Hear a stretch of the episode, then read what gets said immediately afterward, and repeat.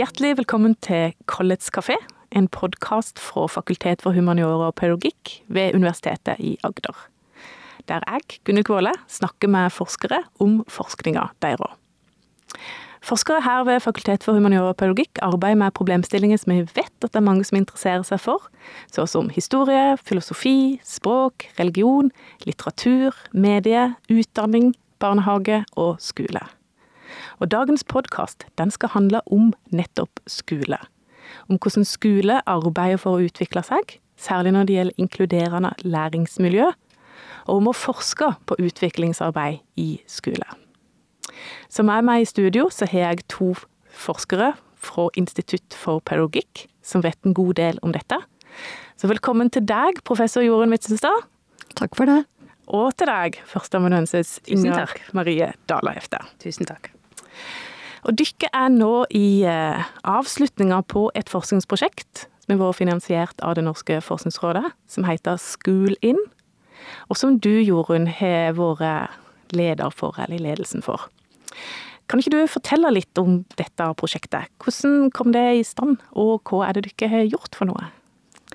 Ja, det kom i stand ved at eh, fem kommunalsjefer i Agder de hadde jobba i flere år med inkluderende læringsmiljø.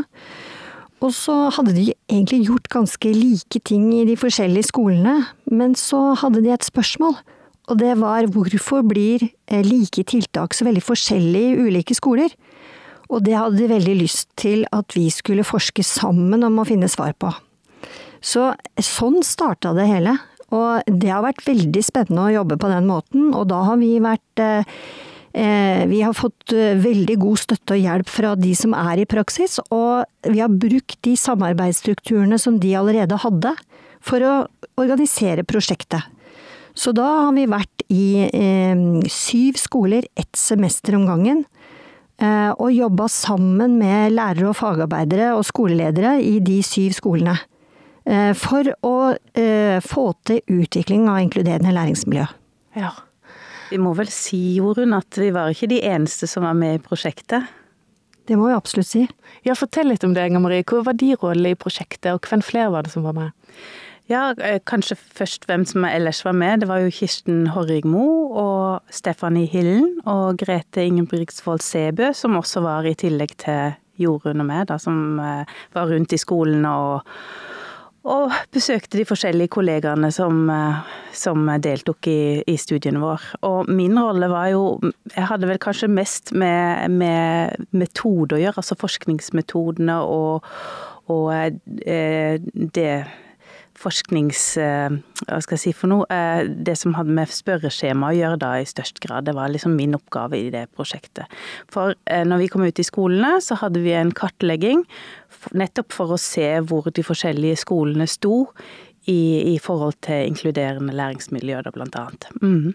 Mm. Altså, Ord inkluderende læringsmiljø. Jeg er jo ikke pedagog, eh, fagpedagog, men, men, det er et ord som jeg på en måte skjønner med en gang. Og på den andre sida, litt sånn, hva, hva, er det egentlig en snakker om når en snakker om inkluderende læringsmiljø? Ja, det er et veldig stort begrep, og det har mange forskjellige definisjoner, egentlig. Og ofte når vi snakker om inkludering, så snakker vi om at det er enkelte barn med spesielle behov som skal få eh, en god plass i skolens fellesskap. Men når vi har i vårt prosjekt, så var vi veldig opptatt av hvordan utvikler vi fellesskapene? Med fellesskap til eh, Altså hvordan de utvikler seg til å ha eh, inkluderende kjennetegn. Ja. Så vi hadde fokus på fellesskapet, hvordan bygger vi det? Og da trengte vi å jobbe sammen med eh, lærere og fagarbeidere, altså kollegiet i skolen, for å bli litt samkjørte og prøve ut tiltak i praksis. For det ligger så mye erfaring hos alle de som jobber i skolen, og det ville vi få frem og lære av. Ja. Men kan du ikke fortelle litt mer konkret? Du var inne på, på det metodiske, Inger Marie. Hva, hva er det konkret gjort når du ikke har forska på utviklingsarbeid i, i, disse skolene. Er det forresten barneskole, ungdomsskole, videregående? Det var, det var uh, grunnskolen én til ti. Ja. Så vi mm. var inne i skoler som både gikk fra første til syvende klasse, og fra åttende til trettende eh, Nei, fra. Åttende til tiende, og så fra første til tiende, da. Mm. Så, så um, Uh, og, og, det vi har gjort, det, det, vi har jo både utvikla på en måte en uh, didaktikk, eller vi har uh, satt sammen flere forskjellige måter å, å komme fram til nye ideer på, spisse ideer, få til en eh, fokusering på bestemte tiltak, og, og, som de forskjellige lærerne da har jobba med i, i, skolen. Kanskje vi skal si noe mer om det etterpå, men i hvert fall i tillegg så har vi da hatt veldig mange forskningsmetoder for å belyse hva som nettopp skjer i den prosessen da. Så vi har hatt kartlegging før og etterpå, vi har hatt eh, videoanalyse, vi har hatt eh, fokusgruppeintervju, og vi har hatt intervju med Eh, med eh, skoleelever. Så vi har gjort veldig mye rart. Mm. Ja, mangfoldig, breispektra inngang, egentlig. Og det trenger en vel for å finne ut av, og samtidig utvikle et sånt et felt. Du Jorunn, jeg har jo skjønt at en av tingene som, som du og dere andre i prosjektet har vært opptatt av, det gjelder Du snakker om fellesskapet på skolen, men skolen er jo ikke en isolert enhet i samfunnet. Den henger fast i et lokalsamfunn, blant annet. Eh, så hva slags betydning har, har skolens forankring i lokalsamfunnet, og, og, eh, kan du si litt om, om hvordan dere jobber med den dimensjonen der, som, som jeg da har forstått at har vært et interessepunkt i prosjektet? Ja, fordi at vi ser at altså svaret på dette spørsmålet om hvorfor blir like tiltak så forskjellige i ulike skoler, så så ser vi det. Vi fant eh, helt klart at skoler har veldig ulike forutsetninger for å utvikle seg til inkluderende fellesskap. Og at mye av det henger sammen med hvordan fellesskapet i lokalmiljøet til skolen er. Det kan vi se rett og slett i når vi intervjuer jentegrupper og guttegrupper. Er de sånn at de er vant til å være problemløsende sammen og støtte støttende å være sammen om ting, eller er det litt sånn rivalisering og motsetninger? Er det sånn at eh, det, Altså, de grupperingene vi ser ute i lokalmiljøet, de ser vi igjen i klasserommene. Ja, nettopp. Sånn at når kommunene jobber med oppvekst, så er det kjempe Så har det mye å si for hvordan skolen kan utvikle seg. Ja. Og det er forskjellig fra sted til sted. Og vi finner at det er ikke bare sånn at de småstedene på bygda er positive i den forstand de kan være like forskjellige som om du sammenligner eh, de stedene som er nærmere bysentrum enn de som er langt unna. Ja. Ser du ikke på en måte noen dimensjoner som, som peker seg ut som særlig viktige i så måte, eller er det mer liksom sammensetninga av mange faktorer? Ja, vi ser noen dimensjoner som har veldig stor betydning. For eksempel så fant vi ut noe som var veldig overraskende for oss, at pendling har mye å si. Ok, ja. si litt mer om det. Ja, fordi at eh, hvis eh, det er et sted i, eh, som har veldig mange som pendler ut for å jobbe, av foreldrene f.eks., for og at det er veldig mange som pendler inn i skoleadministrasjon og sånne jobber, så har det noe å si for hvordan lokalmiljøet kan utvikle seg. Og det betyr også en god del om hvor stor andel av lærerne som er pendlere inn. For da kjenner de så lite til det som skjer lokalt, og kan bruke det og støtte elevene i læringsprosessene. Eh, og forankre det i det lokale, da, som er jo det elevene har felles. Definitivt. Det gir jo intuitivt veldig god mening. Jeg har egentlig bare aldri tenkt på den dimensjonen før. Han har ikke vært så mye snakka om her, det. Nei, han har ikke vært så mye snakka om. og Skulin hadde jo en um, International Reference Group, altså hvor uh, internasjonale forskere kom ble invitert til UiA, og vi ville diskutere hva det er vi ser, rett og slett for å kvalitetssikre den internasjonale mm, altså hva skal en si, aktualiteten. Og de sa til oss at dette var veldig spennende, og at det med sted, eh, skolens lokale omgivelser, det er jo universelt. Sånn at dette er en sånn dimensjon som vi syns er veldig viktig og spennende at vi sammen har funnet ut. Ja, definitivt, altså. Um, jeg har jo skjønt at uh, en annen litt sånn stikkord for prosjektet deres handler om forventninger. Uh, om uh, ja, hvordan, hvordan, rolle forventninger spiller for skolens utvikling. Og hva er det du mener med forventninger i en sånn sammenheng som dette? Ja, da er det mange innganger til det, men sånn teoretisk sett så handler det om systemnivå i skolen. Og vi skulle jo se på fellesskapet. Og vi ser det at eh, forventninger en, eh, spiller en stor rolle, men på en litt annen måte enn vi vanligvis tenker. Altså liksom at det må være høye forventninger for å få gode resultater.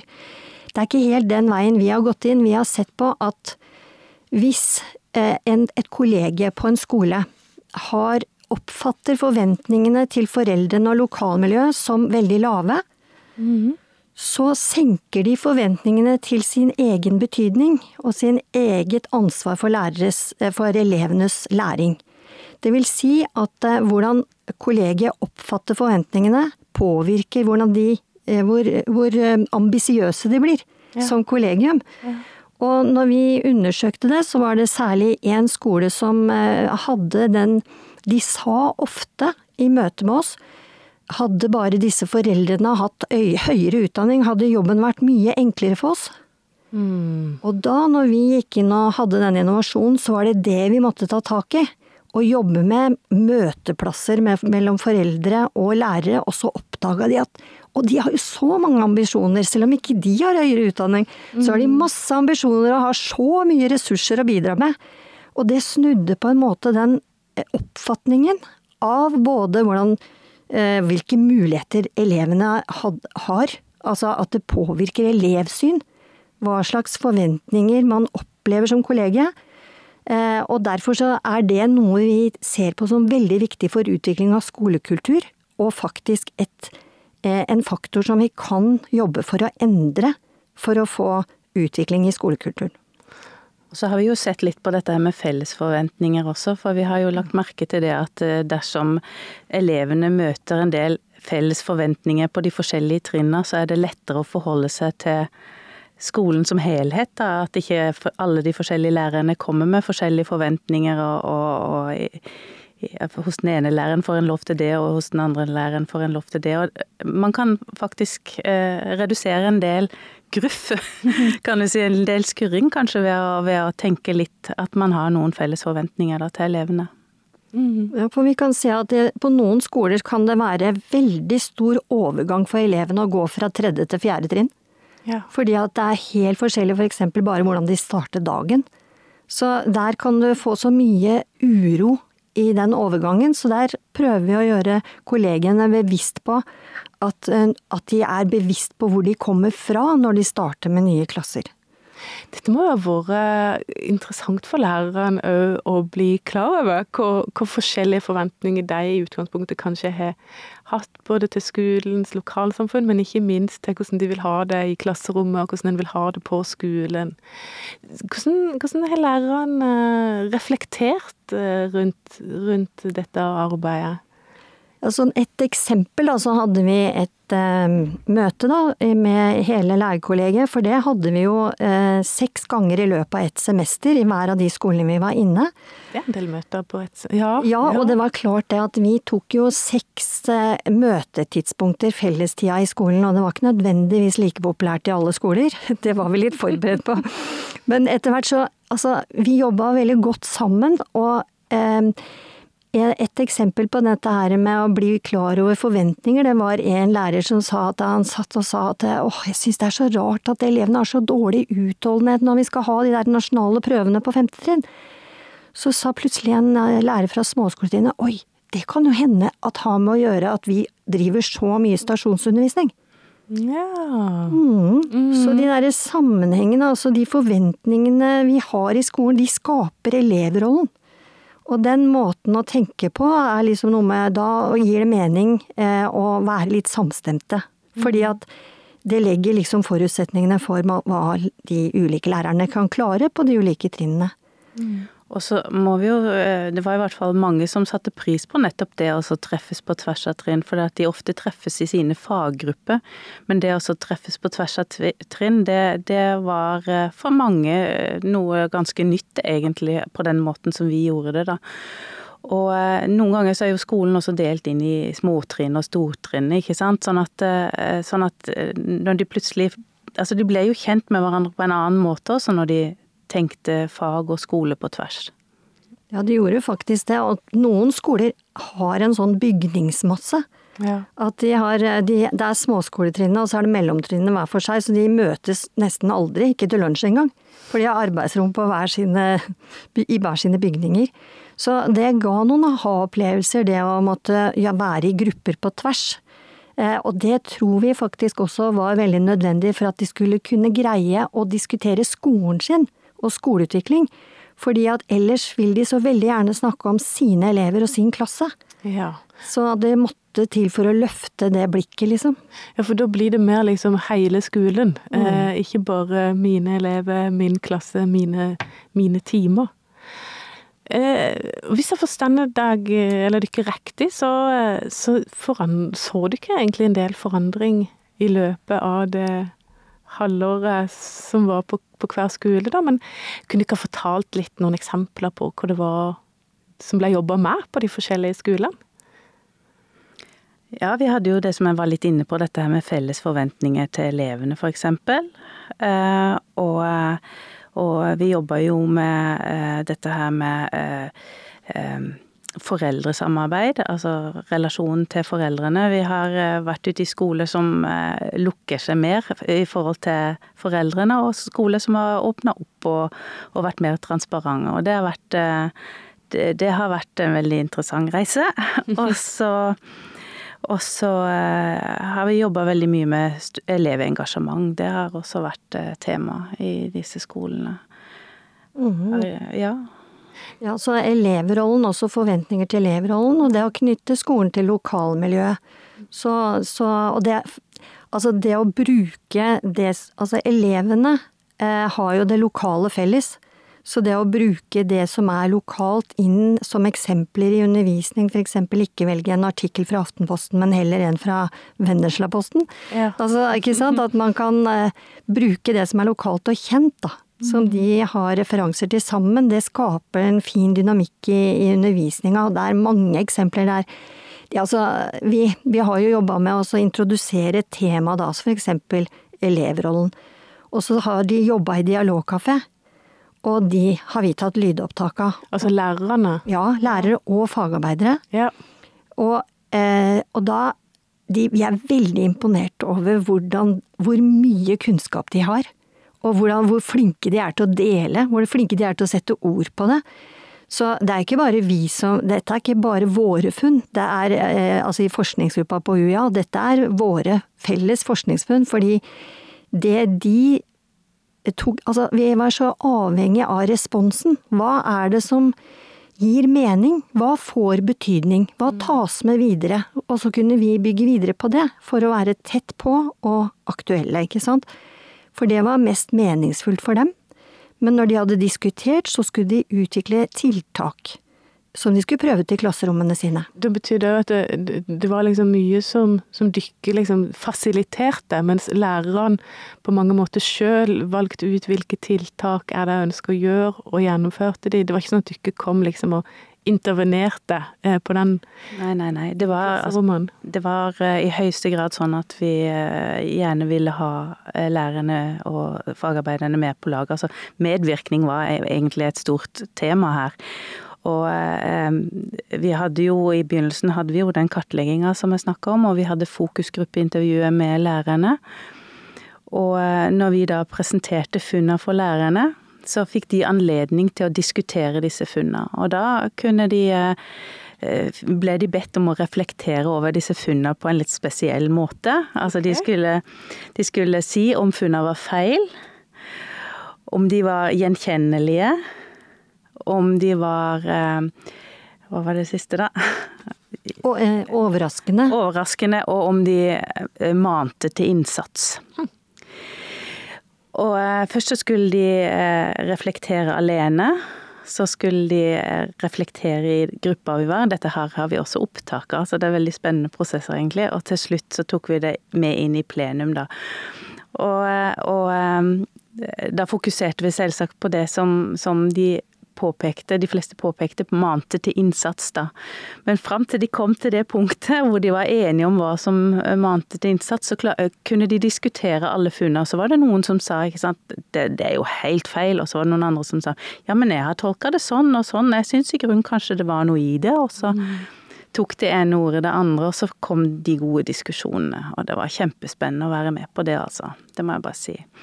Og så tok vi det da med til plenum, disse forskjellige tingene som uh, mante til innsats. Og da uh, var uh, hele personalet involvert i det å bestemme seg for hvilket satsingsområde de skulle satse på. Ja. Og da var det de som sjøl identifiserte og navnga det? Det var ikke sånn at du ikke liksom hadde velg mellom disse fem? Eh. Vi hadde fra de temaene som de, vi hadde snakka om i fokusgruppeintervjuet, eh, som, som, de på en måte kunne velge mellom. Og noen ganger så var det ikke sånn at det var helt entydig det ene eller det andre. Men, og da prøvde vi kanskje å sette det sammen til et uh, område, da, kan du si. Mm. Men uh, stort sett så var det ganske tydelig hva skolen ønska å jobbe med. Ja. Du, kunne jeg spurt, hvilken rolle hadde rektor i eh, prosessene her? Eh, roll, eh, rektorene tok litt ulik rolle. Ja. Eh, for vi var jo fasilitatorer av dette her, så noen steder så eh, var rektor med i gruppe og ledelsen danna en egen gruppe og jobba ut tiltak som gjaldt hele skolen. Andre steder så trakk de seg veldig tilbake. Mm. Så det var litt sånn også det, Noe av det spennende med å drive sånne prosjekter er å ha det derre blikket Hva skjer nå? Mm. Altså her kommer vi på en skole der vi merker at å, det er, passer litt dårlig kanskje. Men, eh, men, og det er litt motstand og sånn.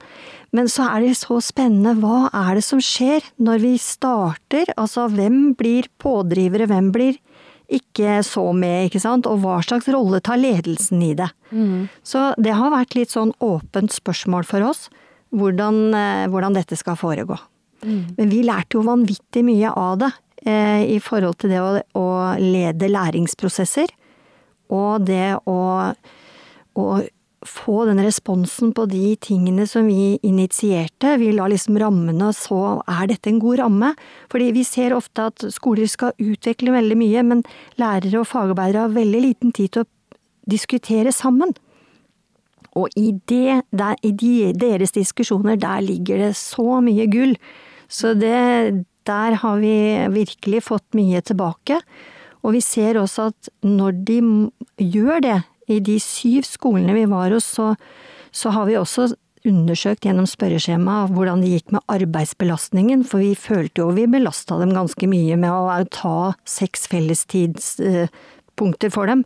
Ja. Eh, men stort sett så gikk faktisk arbeidsbelastningen ned. Det er interessant. Ja, det er jo, ja og eh, det er jo eh, veldig fint hvis det kan føres tilbake på at eh, kanskje flere har samarbeida om å utvikle tiltak og, og, og, dele litt på belastningen, kanskje i utgangspunktet også at ting kanskje går litt av seg sjøl etter hvert. Eh, jeg har litt lyst til å fortsette egentlig med For etter dialogkafeen vi hadde med lærerne, så hadde vi noe som vi kalte for refleksjonssirkel også. Mm -hmm. Og da skulle disse lærerne og fagarbeiderne sammen da, velge ut eh, noe fra den dialogkafeen som de hadde jobba med, som de ville jobbe videre med. Og de skulle utvikle konkrete tiltak. Så de hadde jo eh, kommet med veldig, veldig mange ideer. Og så ble liksom oppgaven da å velge ut tiltak som kunne De skulle prøve å være realistiske, ikke sant. Noen ganger så har en jo lyst til å gjøre veldig mye, men eh, en prøver å tenke ut fra de ressursene som skolen hadde til rådighet. Og så eh, gjerne noe som på en måte hørte til det, det, daglige arbeidet i skolen. Altså ikke en stor event i løpet av, av, skoleåret, men noe som på en måte kan inkluderes i den daglige praksisen. Mm. Så eh, Og da eh, fikk de på en måte i, i lekse å prøve ut disse tiltakene, da. Så når vi da kom igjen neste gang, så, så skulle gruppene fortelle hva de hadde gjort, og hvordan det hadde gått. Spennende. Men dere, er det den på en måte modellen dere jobber etter, skjønner dere, vært innledende kartlegging form av en survey, der har vært fokusgruppeintervju, der har vært dialogkafé og refleksjonssirkel. Er dette en arbeidsmåte som dere har utvikla som del av prosjektet, eller er dette en etablert arbeidsmåte i pedagogisk eh, sammenheng? Ja, jeg, det er jo sånn at eh, no, mange av disse, altså dialogkafé f.eks. og refleksjonssirkel er noe som vi har sett i andre prosjekter, men vi har aldri sett det i den sammenhengen vi har brukt det. Og vi har heller ikke sett at det på en måte er blitt satt sammen på den måten som vi har brukt det. For vi har vi har jo f.eks. alltid gjennomført dialogkafé i sammenheng med refleksjonssirkel, nettopp for å få til disse tiltakene, og få tiltakene ut i praksis. Og det er jo ofte et problem, ikke sant. Man utvikler tiltak, og så blir de ganske ofte liggende i skuffen, eller får, ikke, får kanskje en litt sånn treg start, og så, og så skjer det ikke noe mer. Mens dette her var liksom en kobling av, av arbeidsmåter da, som, som, eh, vi har eh, på en måte oppfunnet. Og eh, jeg har f.eks. heller aldri hørt at refleksjonssirkelen har blitt brukt i forbindelse med inkluderende eh, læringsmiljø og sånne ting, da. Så det er jo litt spennende. Det er en ting også som ligger i det vi kaller de arbeidsmåte, og den kombinasjonen kaller vi for organisasjonsdidaktikk. Men det som også blei veldig viktig, for dette utvikler vi jo underveis ved å se hva skjer. Og så det som var viktig var at når de prøvde ut ting i praksis, så ga de også tilbakemelding til oss. Hvordan gikk det?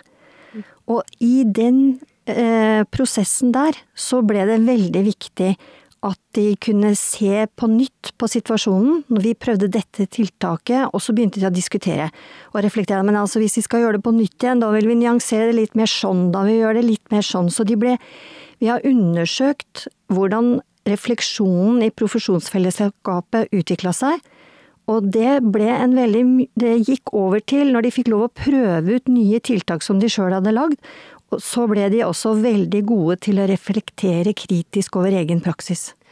Nettopp. For du brukte ordet organisasjonsdidaktikk underveis nå. Det er liksom den, hva skal du si, kollektive øh, refleksjonen, òg sjølkritiske refleksjonen med tanke på å utvikle seg videre, som, som, er liksom kjernen i det med organisasjonsdidaktikk. Er det riktig oppfatta av meg? Ja, det er liksom en slags struktur for hvordan du kan gi lærere og fagarbeideres erfaring eh, plass mm. i en sånn skoleutviklingssammenheng. Fordi at eh, det er så viktig at det er de som er i klasserommene, i friminuttene, i gangene, som kan eh, utvikle tiltak som passer, og også å jobbe for at de skal bli bedre.